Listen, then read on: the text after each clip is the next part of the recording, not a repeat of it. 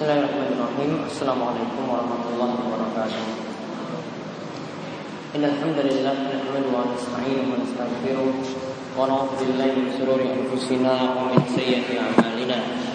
Man yahdihillahu fala mudilla lahu Wa man yudlil fala hadiya lahu. Wa ashhadu an la ilaha illallah Wahdahu la syarika lah. Wa ashhadu anna Muhammadan abduhu wa rasuluh. Allahumma salli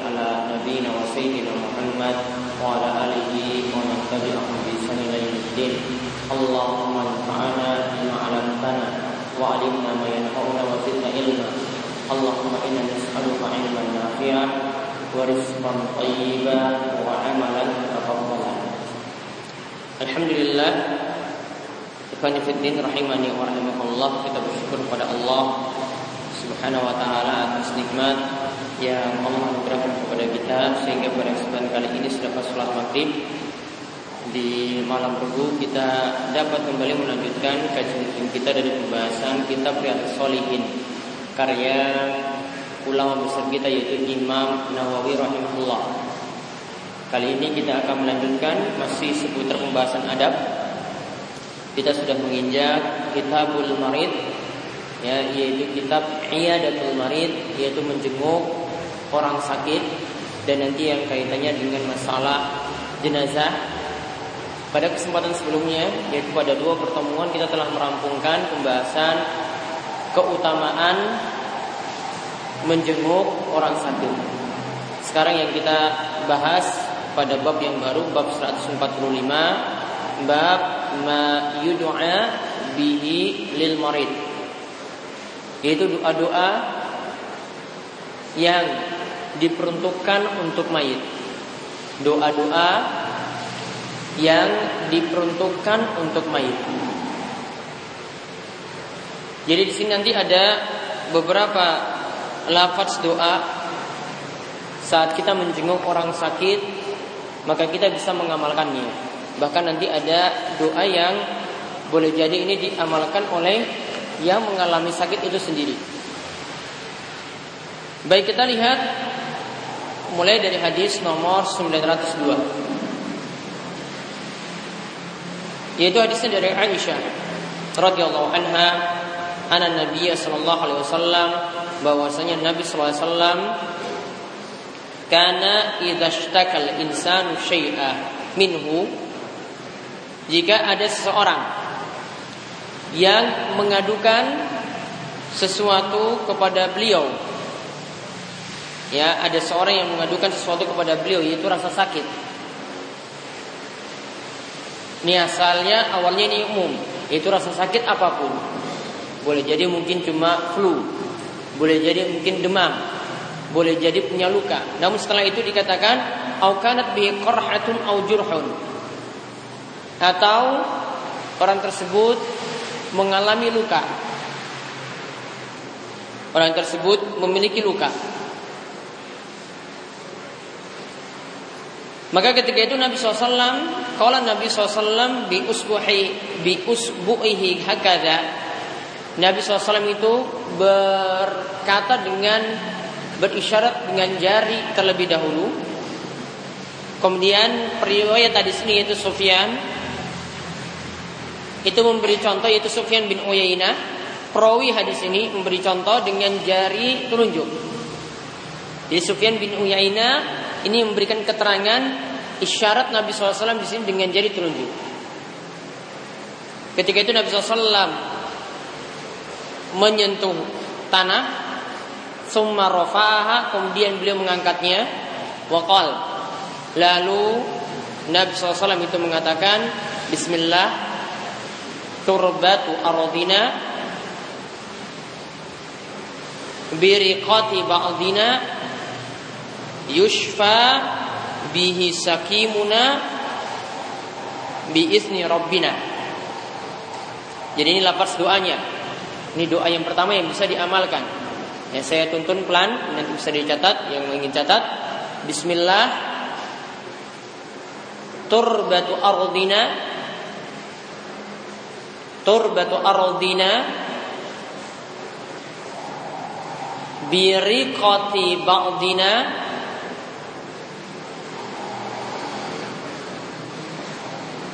yushfa bihi saqimuna. Yushfa bihi saqimuna. Biizni rabbina. Saya ulang. Bismillah. Turbatu aradina. Biriqati ba'dina. Yushfa bihi saqimuna. Biizni rabbina yang artinya dengan nama Allah melalui perantaraan debu yang ada di tanah ini, di tanah kita ini. Lalu lewat koti ardina air liur dari sebagian kita yushfa bihi disembuhkan lewat perantaraan itu sakimuna yaitu rasa sakit yang kita miliki bi isni rabbina disembuhkan dengan izin Rabb kita yaitu Allah Subhanahu wa taala. Disembuhkan dengan izin Rabb kita yaitu Allah Subhanahu wa taala.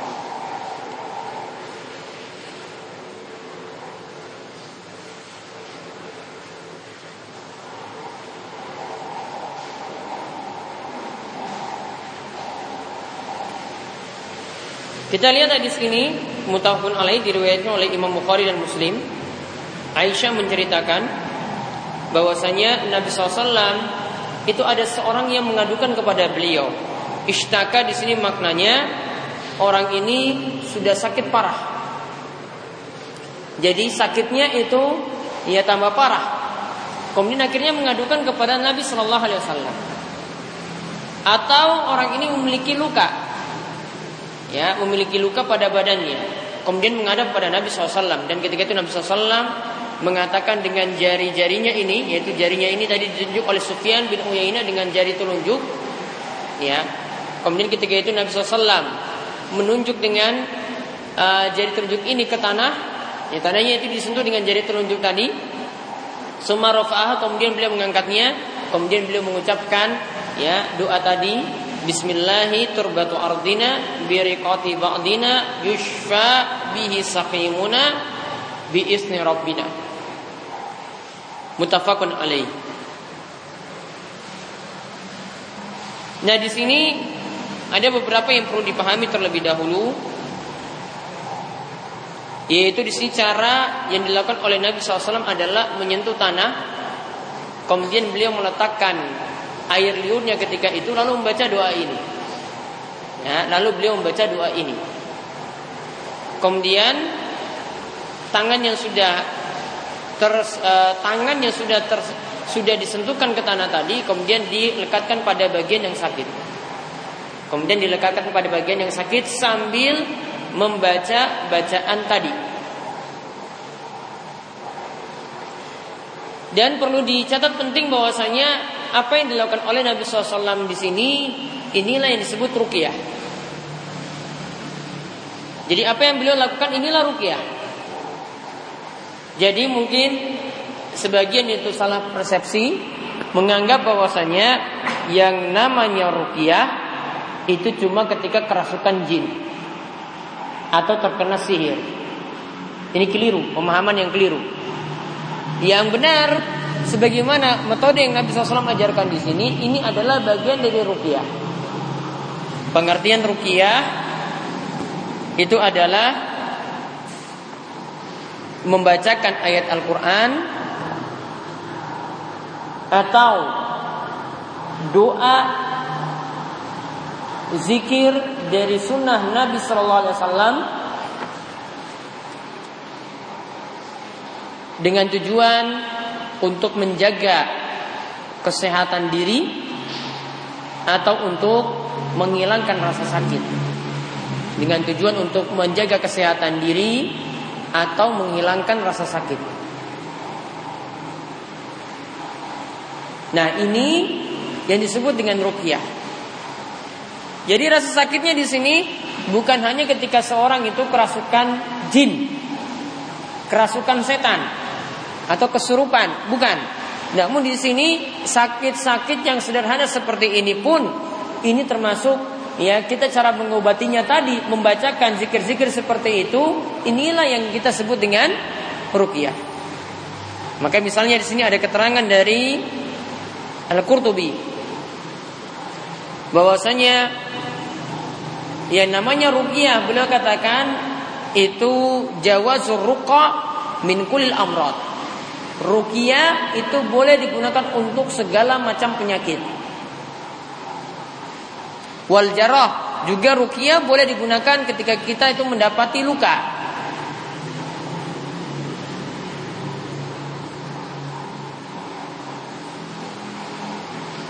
Jadi beliau mengatakan umum.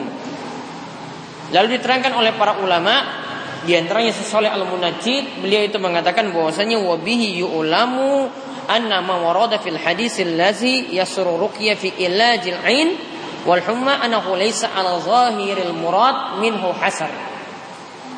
Beliau katakan bahwasanya dan dari sini kita ketahui ruqyah itu tidak terbatas untuk mengobati ain atau untuk mengobati orang yang digigit binatang ya, dia disengat binatang atau digigit binatang, tidak dibatasi dengan itu saja. Namun, ya ini diperlakukan secara umum untuk penyakit mana pun.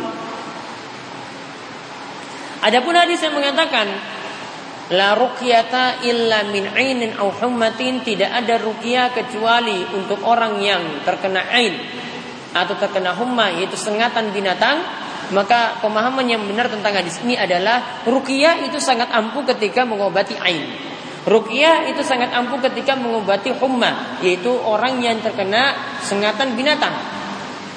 Namun ini tidak menafikan ruqyah ini juga bisa digunakan untuk selain ain dan selain orang yang terkena sengatan binatang. Jadi boleh digunakan untuk yang lainnya.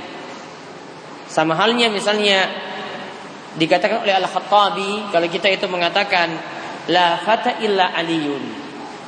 Tidak ada anak muda kecuali Ali. Ini bukan berarti yang lainnya itu bukan anak muda. Ya, ini cuma menceritakan tentang Ali saja. Atau yang paling pemuda yang paling pemberani mungkin cuma Ali. Namun yang lainnya tetap juga dikatakan sebagai seorang pemuda, sama seperti itu. Jadi jangan dipahami sekali lagi mungkin pemahaman kita terbatas ruqyah itu untuk ya hal-hal ketika terkena sihir atau kesurupan saja. Namun ketika kesurupan boleh juga membaca seperti ini yang sudah disebutkan di sini.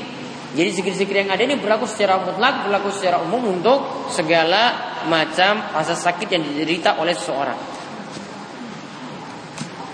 Nah itu yang mesti dipahami bahwasanya rukyah itu tidak dibatasi untuk ya hal yang berkaitan dengan jin atau kesurupan.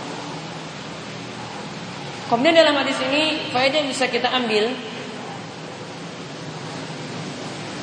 di samping tadi yang pertama rukyah itu bukan hanya untuk masalah kesurupan atau terkena sihir, namun rukyah juga bisa untuk mengobati luka atau untuk menurunkan rasa sakit.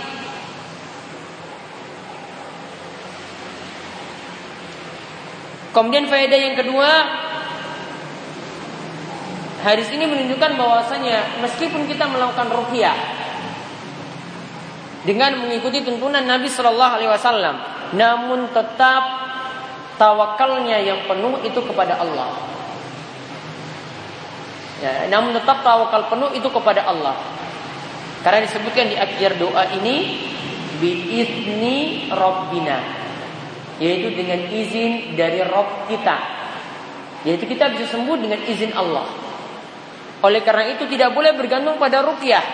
Namun yang hati kita itu bergantung pada Allah saja. Jadi tidak boleh menganggap wah saya sudah rukyah berulang kali kok tidak sembuh-sembuh juga.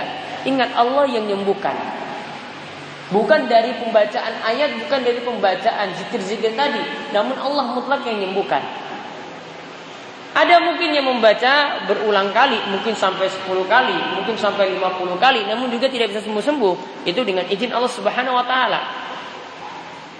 Namun ada beberapa sebab yang membuat zikir atau bacaan tadi kurang ampuh. Padahal kita tahu bahwasanya zikir-zikir yang ada yang kita baca semisal zikir pagi dan petang itu punya manfaat-manfaat yang sangat luar biasa. Misalnya ketika kita baca zikir pagi atau zikir petang bismillahirrahmanirrahim la fil ardi wala fis sama wa huwa samiul alim. Dibaca tiga kali. Kemudian Nabi SAW itu menyebutkan siapa yang membaca ini di petang hari maka dia tidak akan mendapatkan mudorot sampai pagi hari. Dan jika dia membaca zikir ini di pagi hari maka dia tidak akan mendapatkan mudarat atau bahaya sampai petang hari. Dan boleh jadi ada yang sudah rutin seperti ini setiap pagi dan petang terus. Namun bisa jadi kesurupan. Namun bisa jadi kena penyakit. Namun bisa jadi kena bahaya, kena mudarat. Maka zikirnya tidak disalahkan. Yang disalahkan itu adalah orangnya. Sama juga ketika rukyah. Sudah rukyah kok tidak ampu-ampu juga. Bukan rukyahnya yang disalahkan. Bukan zikirnya yang disalahkan. Namun orangnya. Mulai jadi yang melukannya yang pertama tanpa tuntunan. Tidak sesuai yang Nabi SAW itu ajarkan. Yang kedua, boleh jadi dia tidak menghadirkan hati ketika dia membaca zikir-zikir yang ada. Jadi kalau kita ingin mengamalkan ini atau kita ingin mengajarkan pada orang lain, pahamkan isi dari zikir ini bahwasanya zikir ini maksudnya demikian dan demikian. Ini memang kita meminta kesembuhan dari Allah, namun tetap kita pasrah pada Allah, Allah yang menyembuhkan. Bukan kita bergantung kepada zikir ini. Nah, ini salah satu cara kita itu mengambil sebab itu harus menggantungkan sebab tadi itu kepada Allah Subhanahu wa taala bukan ya bergantung pada sebab tersebut.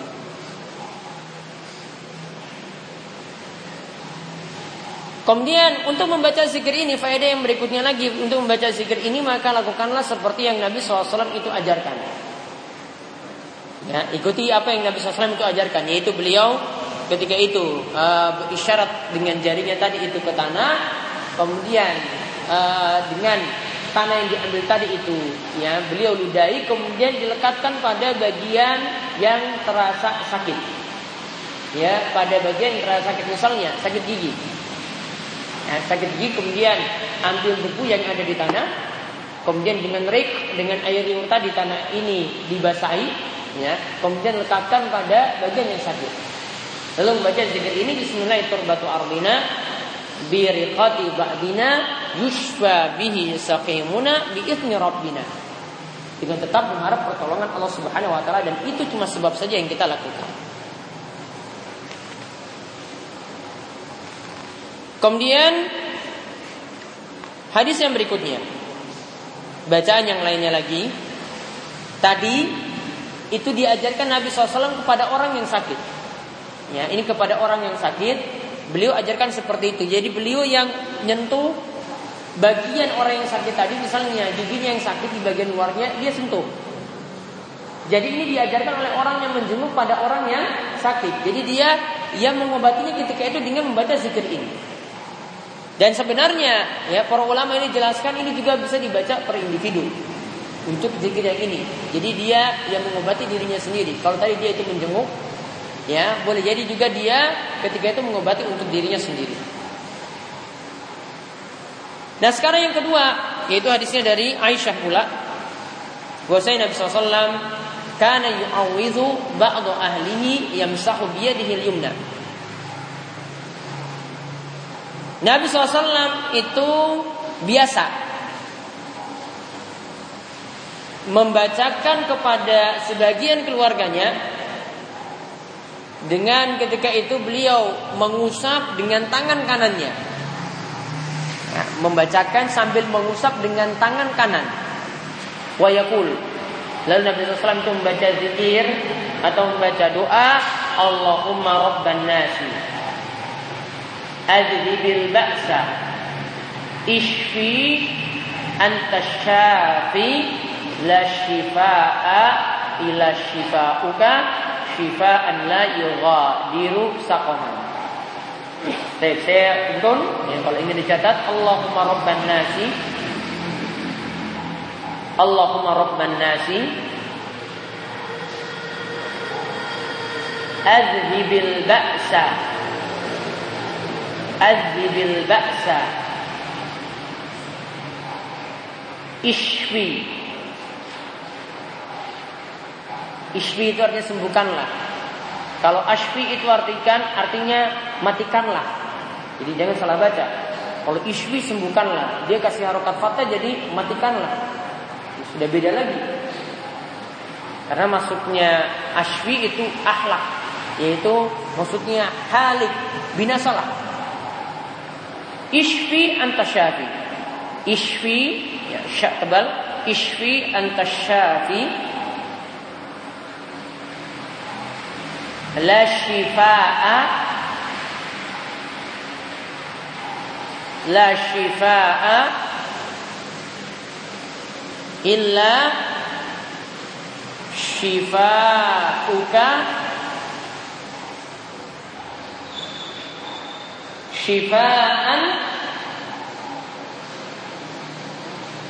la yughadiru la yughadiru sakoman. Saya ulang, Allahumma rabban nasi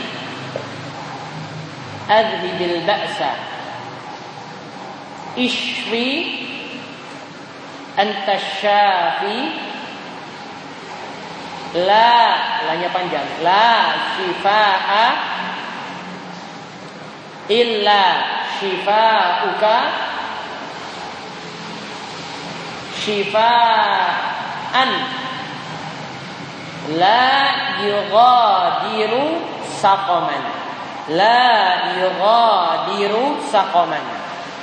Artinya ya Allah Rob manusia. Hilangkanlah kesulitan. Maksudnya hilangkannya kesulitan dari penyakit ini. Ishwi, sembuhkanlah. Anta syafi, karena engkaulah yang maha menyembuhkan. La shifaan, la shifaa illa shifauka.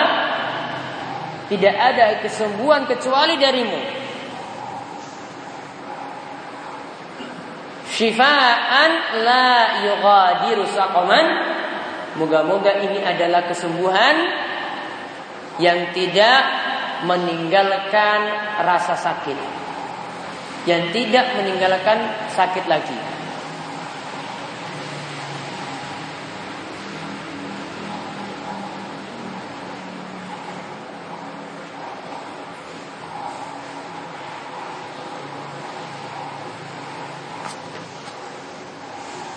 Maka di sini mengandung pelajaran pula. Ini sebenarnya ada lanjutannya lagi dengan lafaz yang lain pada hadis yang berikutnya beliau sebutkan. Tadi itu hadis dari Aisyah. Lafaz berikutnya dari Anas. Lafaznya hampir mirip. Mau hafal yang pertama atau yang kedua sama saja. Jadi yang dari Anas radhiyallahu anhu yaitu Anas pernah mengatakan kepada Thabit Ala urkika bi ruqyati Rasulullah SAW Tidakkah engkau tahu tentang ruqyah Rasulullah SAW? Maka dia mengatakan bala. Iya, saya tidak tahu. Ya, dia mengatakan bala, iya. Eh, dia mengatakan bala, yaitu saya tidak tahu. Ketika itu kemudian dia mengajarkan, ya, yaitu Anas itu mengajarkan apa yang dikatakan oleh Nabi SAW bacaan ruqyah. Ingat ya, kalau dikatakan ruqyah tadi apa? Ini bukan hanya menyembuhkan sihir, namun ini segala macam penyakit. Maka Nabi SAW itu ajarkan Allahumma rabban nasi Muzhibal ba'si Ishfi anta syafi La syafiya illa anta Shifaan la yughadiru Saqaman. Hadis ini diriwayatkan oleh Imam Bukhari. Lafaznya bersama dengan tadi. Ya Artinya sama. Namun di sini beberapa kalimat saja yang berbeda. Ya Namun yang paling sering dibaca itu lafaz yang pertama tadi yang dari Aisyah jadi intinya eh, dua-dua ini berisi pelajaran atau faedah yang bisa kita ambil yaitu disunahkan mengusap orang yang sakit dengan tangan kanan ketika kita menjenguknya. Disunahkan mengusap orang yang sakit dengan tangan kanan ketika kita menjenguknya. Sambil mendoakan kebaikan untuknya. Sambil mendoakan kebaikan untuknya.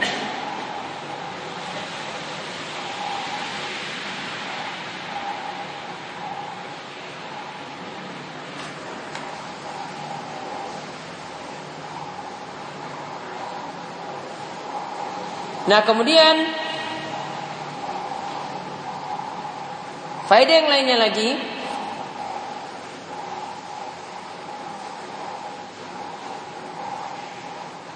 Doa yang diajarkan ketika menjenguk orang sakit adalah doa ini.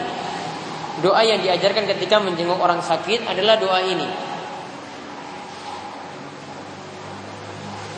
Yaitu Allahumma rabban nasi adhibil ba'sa ya dan seterusnya. Kemudian faedah yang lainnya lagi, kita lihat di sini doa ini lafaznya itu seperti bersajak. Allahumma rabban nasi azhibil ba'sa ashfi anta syafi la shifaan illa shifauka shifaan la yughadiru saqaman. Jadi seperti ada nada tertentu atau sajak tertentu yang dibacakan oleh Nabi SAW. Maka sebagaimana dikatakan oleh Imam Al-Qurtubi, jika doa itu bersajak, itu dibolehkan selama tidak sampai menyulitkan seseorang. Maunya akhirnya ah semua gitu. Selama tidak menyulitkan tidak dia buat-buat. Ya. maksudnya tidak menyulitkan dia untuk menyusun seperti itu maka tidak ada masalah. Nah kadang kita pernah mendengar juga barangkali uh, khutbah dalam bahasa Arab itu ada yang bersaja Yang biasa membacakan seperti ini itu misalnya Syekh Abdurrahman Sudais Ya, dia ketika menyampaikan khutbah itu biasanya itu dengan kalimat yang bersajak. Namun kalimat yang bersajaknya itu orang paham. Walaupun itu ya kalau dari sisi sastra itu tinggi, namun dari sisi pembawaan yang beliau sampaikan itu orang itu akan paham dari isi khutbah beliau walaupun dalam bentuk sajak seperti itu. Ya, yang biasa ulama yang menyampaikan khutbah dalam bentuk sajak itu adalah Syekh Abdul Rahman As-Sudais. Kemudian faedah yang lainnya lagi Hadis ini menunjukkan disunahkannya mengunjungi orang sakit, terutama yang jadi kerabat. Karena di sini Nabi SAW mengunjungi kerabatnya dan membacakan doa seperti itu.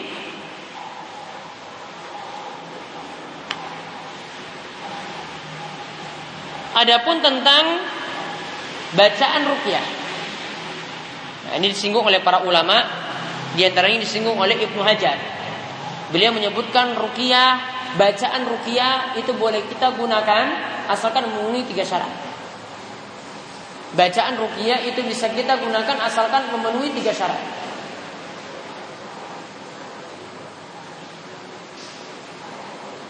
Yaitu yang pertama kata Ibnu Hajar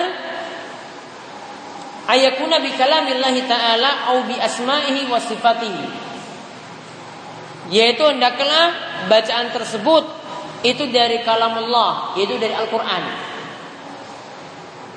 Atau berisi nama dan sifat-sifat Allah.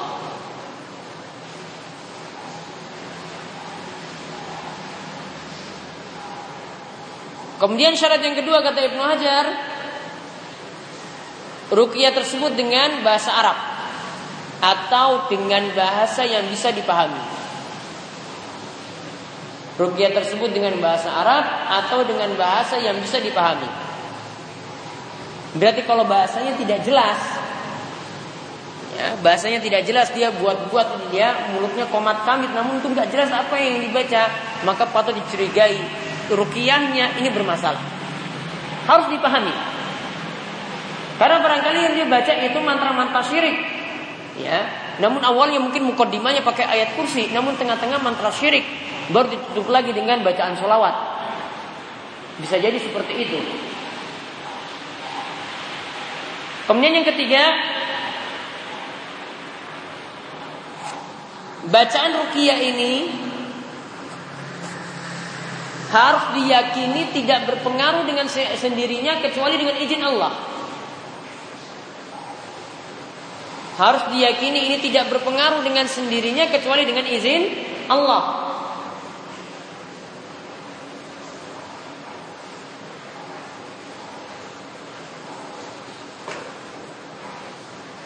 Terutama untuk poin yang kedua tadi, kalau ini bukan bahasa Arab, artinya kita buat dengan bahasa sendiri, itu dibolehkan. Namun para ulama itu mengatakan hendaklah bacaan ruqyah tadi itu diajukan kepada para ulama atau orang yang berilmu untuk ditelusuri apakah ini benar bacaan ruqyah yang bisa digunakan. Sebagaimana kita contohkan pernah di di tengah-tengah Nabi SAW datang beberapa sahabat ketika itu. Di sini mereka katakan bahwa saya kuna narki fil jahiliyah. Kami dulu itu pernah meruqyah di masa jahiliyah itu seperti ini. Kemudian Rasulullah SAW itu berkata, uh, kemudian mereka berkata pada Rasulullah SAW, Ya Rasulullah, kaifa fi? Bagaimanakah pendapatmu tentang rukiah kami ini yang kami lakukan di masa jahiliyah? Maka ketika itu Nabi SAW mengatakan, I'ridu alayya ruqakum. Ajukanlah mana rukiah yang kalian itu maksudkan. Kemudian Nabi SAW itu mengatakan, La ba'sa birruqa ma lam yakun fihi syirkun. Tidak mengapa dengan rukia selama di dalamnya itu tidak terdapat kesyirikan. Selama dalamnya tidak terdapat kesyirikan. Maka rukia dengan cara apa pun dibolehkan selama tidak ada kesyirikan di dalamnya. Maka di antara uh, dalam memahami hadis ini, sebagian ulama itu memutlakkan bahwasanya cara rukia apa pun itu dibolehkan selama tidak mengandung kesyirikan di dalamnya. Jadi misalnya ada yang menggunakan media air. Dia membacakan ayat-ayat di dalam air tersebut. Kemudian air ini itu diminum. Ini tidak ada kesyirikan di dalamnya. Tidak ada bentuk meminta tolong kepada jin yang dibacakan itu adalah ayat-ayat Al-Quran, ayat kursi ataupun uh, surat-surat uh, yang dikenal dengan muawwizat, al-ikhlas, al-falak, an-nas. Maka ketika itu disuruh minum orang yang sakit atau orang yang dalam keadaan kesurupan, maka itu dibolehkan. Di antara yang berpendapat seperti ini adalah seperti pensyarah kitab tauhid yaitu Syekh Hamad Al-Hamad. Beliau menyatakan bahwasanya hadis ini berlaku umum segala bentuk ruqyah selama dalamnya itu tidak ada kesyirikan berarti dibolehkan. Maka beliau juga membolehkan Misalnya rukiah itu dalam bentuk tulisan. Ya, kemudian tulisan ini dimasukkan dalam gelas. Kemudian akhirnya ketika itu ada yang larut, kemudian itu diminum. Ya, beliau katakan seperti itu juga dibolehkan karena keumuman hadis ini. Itu selama yang penting tidak mengandung kesyirikan. Karena Nabi SAW tidak mengajarkan bagaimana cara rukiah secara detail. Bentuknya seperti apa. Maka beliau menyatakan itu bebas untuk melakukan semacam itu. Kemudian ada pun yang dibaca tadi dikatakan Al-Quran ataupun nama atau sifat-sifat Allah Subhanahu wa taala, maka di antara buktinya adalah seperti yang dilakukan oleh para sahabat yang ketika itu mereka datang di suatu tempat ya dan saat itu mereka tidak dilayani. Tidak dilayani layaknya tamu. Maka ketika ada pembesar mereka itu yang terkena sengatan binatang Akhirnya mereka mengadukan kepada para sahabat yang tadi tidak dilayani. Bahwasanya kami ini punya pembesar yang saat ini terkena sengatan dan butuh untuk dirugiah. Maka ketika itu para sahabat yang ketika itu ber, e, berada di tempat tersebut kemudian mengajukan, iya kami mau untuk mengobati asalkan nanti kalau sembuh kami bawa pulang satu ekor kambing. Ya, kami bawa pulang satu ekor kambing. Dia bersyarat kalau ini sembuh maka nanti kami bawa pulang seekor kambing. Maka mereka membaca Alhamdulillahirabbil alamin sampai ayat terakhir dari surat Al-Fatihah. Maka ketika itu mereka membawa pulang ekor kambing dan menceritakan apa yang terjadi ini kepada Rasulullah SAW. Kemudian Nabi SAW itu men, uh, heran dengan apa yang dilakukan oleh mereka karena ketika itu Nabi SAW tanyakan Bagaimana kalian bisa tahu kalau surat Al-Fatihah itu bisa menjadi bacaan rupiah? Bagaimana kalian itu bisa tahu karena surat Al-Fatihah itu menjadi bacaan rupiah. Pokoknya itu yang mereka baca saat menyembuhkan pembesar yang terkena sengatan binatang ketika itu. Intinya di sini pelajaran yang bisa kita ambil yang dibaca sini adalah ayat Al-Qur'an. Yaitu surat Al-Fatihah. Itu bisa digunakan sebagai rupiah untuk menyembuhkan orang sakit. Kemudian faedah yang lainnya yang bisa kita ambil lagi di sini bolehnya orang yang menyembuhkan dengan cara rukyah tadi dia mengambil upah. Walaupun nanti ada pembahasan yang lainnya dari para ulama tentang masalah ini, namun sebagian itu menyatakan bolehnya orang yang merukyah itu mengambil upah. Namun di sini dia tidak jadikan profesi. Cuma kebetulan saya kan, dia janjikan dia meminta untuk mendapatkan satu ekor kambing. Namun ini bukan profesinya.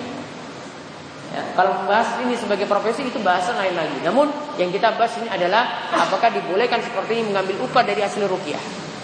Dan di sini juga para ulama membahas lagi bolehnya orang yang mengajarkan Al-Quran untuk mendapatkan upah. Kenapa demikian? Ini orang cuma ngajar Al-Fatihah saya dapat satu ekor kambing. Ini kalau ngajar Al-Quran full satu Al-Quran penuh bisa baca dari awal sampai akhir, kok nggak bisa dituntut upah? Kok nggak bisa mendapatkan upah? Jawabannya boleh. Ya, berdasarkan hadis tersebut. Karena yang mengajarkan Al-Fatihah saja, yang membacakan Al-Fatihah saja dapat upah satu ekor kambing. Lebih-lebih lagi kalau yang ngajar dari ikro sampai bisa Al-Quran sampai dia itu bisa lancar membaca Al-Quran. Dia bisa mendapatkan upah dari uh, apa yang dia lakukan ketika itu. Nah itu di antara bacaan-bacaan yang dibacakan yaitu tadi sudah tiga hadis yang kita baca dan nanti insya Allah pada kesempatan berikutnya nanti ada bacaan-bacaan yang lainnya nanti diajarkan oleh Nabi Shallallahu Alaihi Wasallam. Sebelum kami tutup ada pertanyaan? Ya.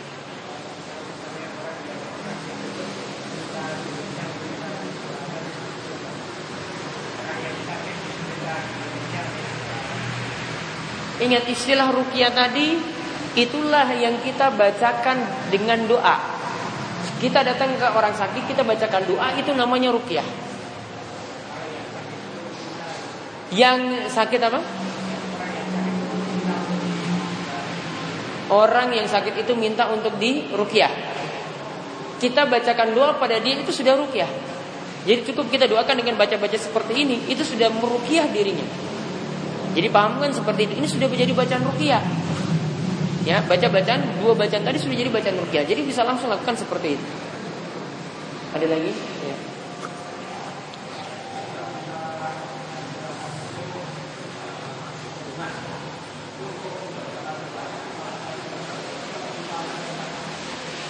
Kalau kita lihat dari lafaz hadis tadi, ya, Nabi SAW itu membacakan yang pertama tadi beliau membacakan sendiri, kemudian yang kedua karena Allah ahlihi yadilina.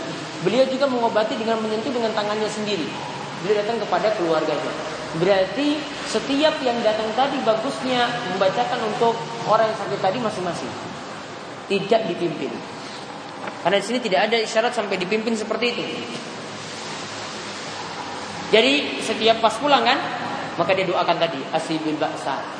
Ashfi anta syafil syifan la syifatuka syifan la sakoman. Sudah, itu sudah jadi bacaan doa. Kalau dia nggak paham, yang sakit nggak paham, sebutkan artinya. Ini saya doakan seperti ini supaya Allah Subhanahu Wa Taala menyembuhkanmu dengan kesembuhan yang tidak membekas. Sudah begitu.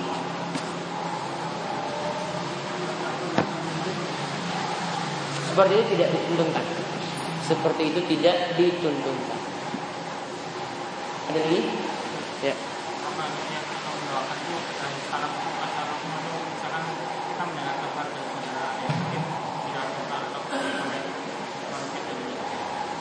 Gimana?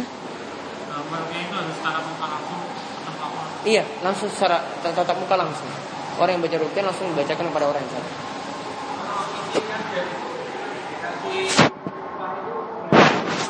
Gimana? Ngisi kajian dikasih upah. Yang penting dia menjaga niat ikhlas di niat ikhlas di awal. Ya, kalau dia mendapatkan belakangan maka tidak ada masalah. Ya, yang penting juga tidak pasang tarif. Ya, yang penting juga dia tidak pasang tarif. Saya harus ngisi di sini, harusnya tarifnya sekian juta. Dia tidak pasang. Asalnya seperti itu. Ya, demikian subhanakallahumma bihamdika asyhadu an la ilaha illa anta astaghfiruka wa Assalamualaikum warahmatullahi wabarakatuh.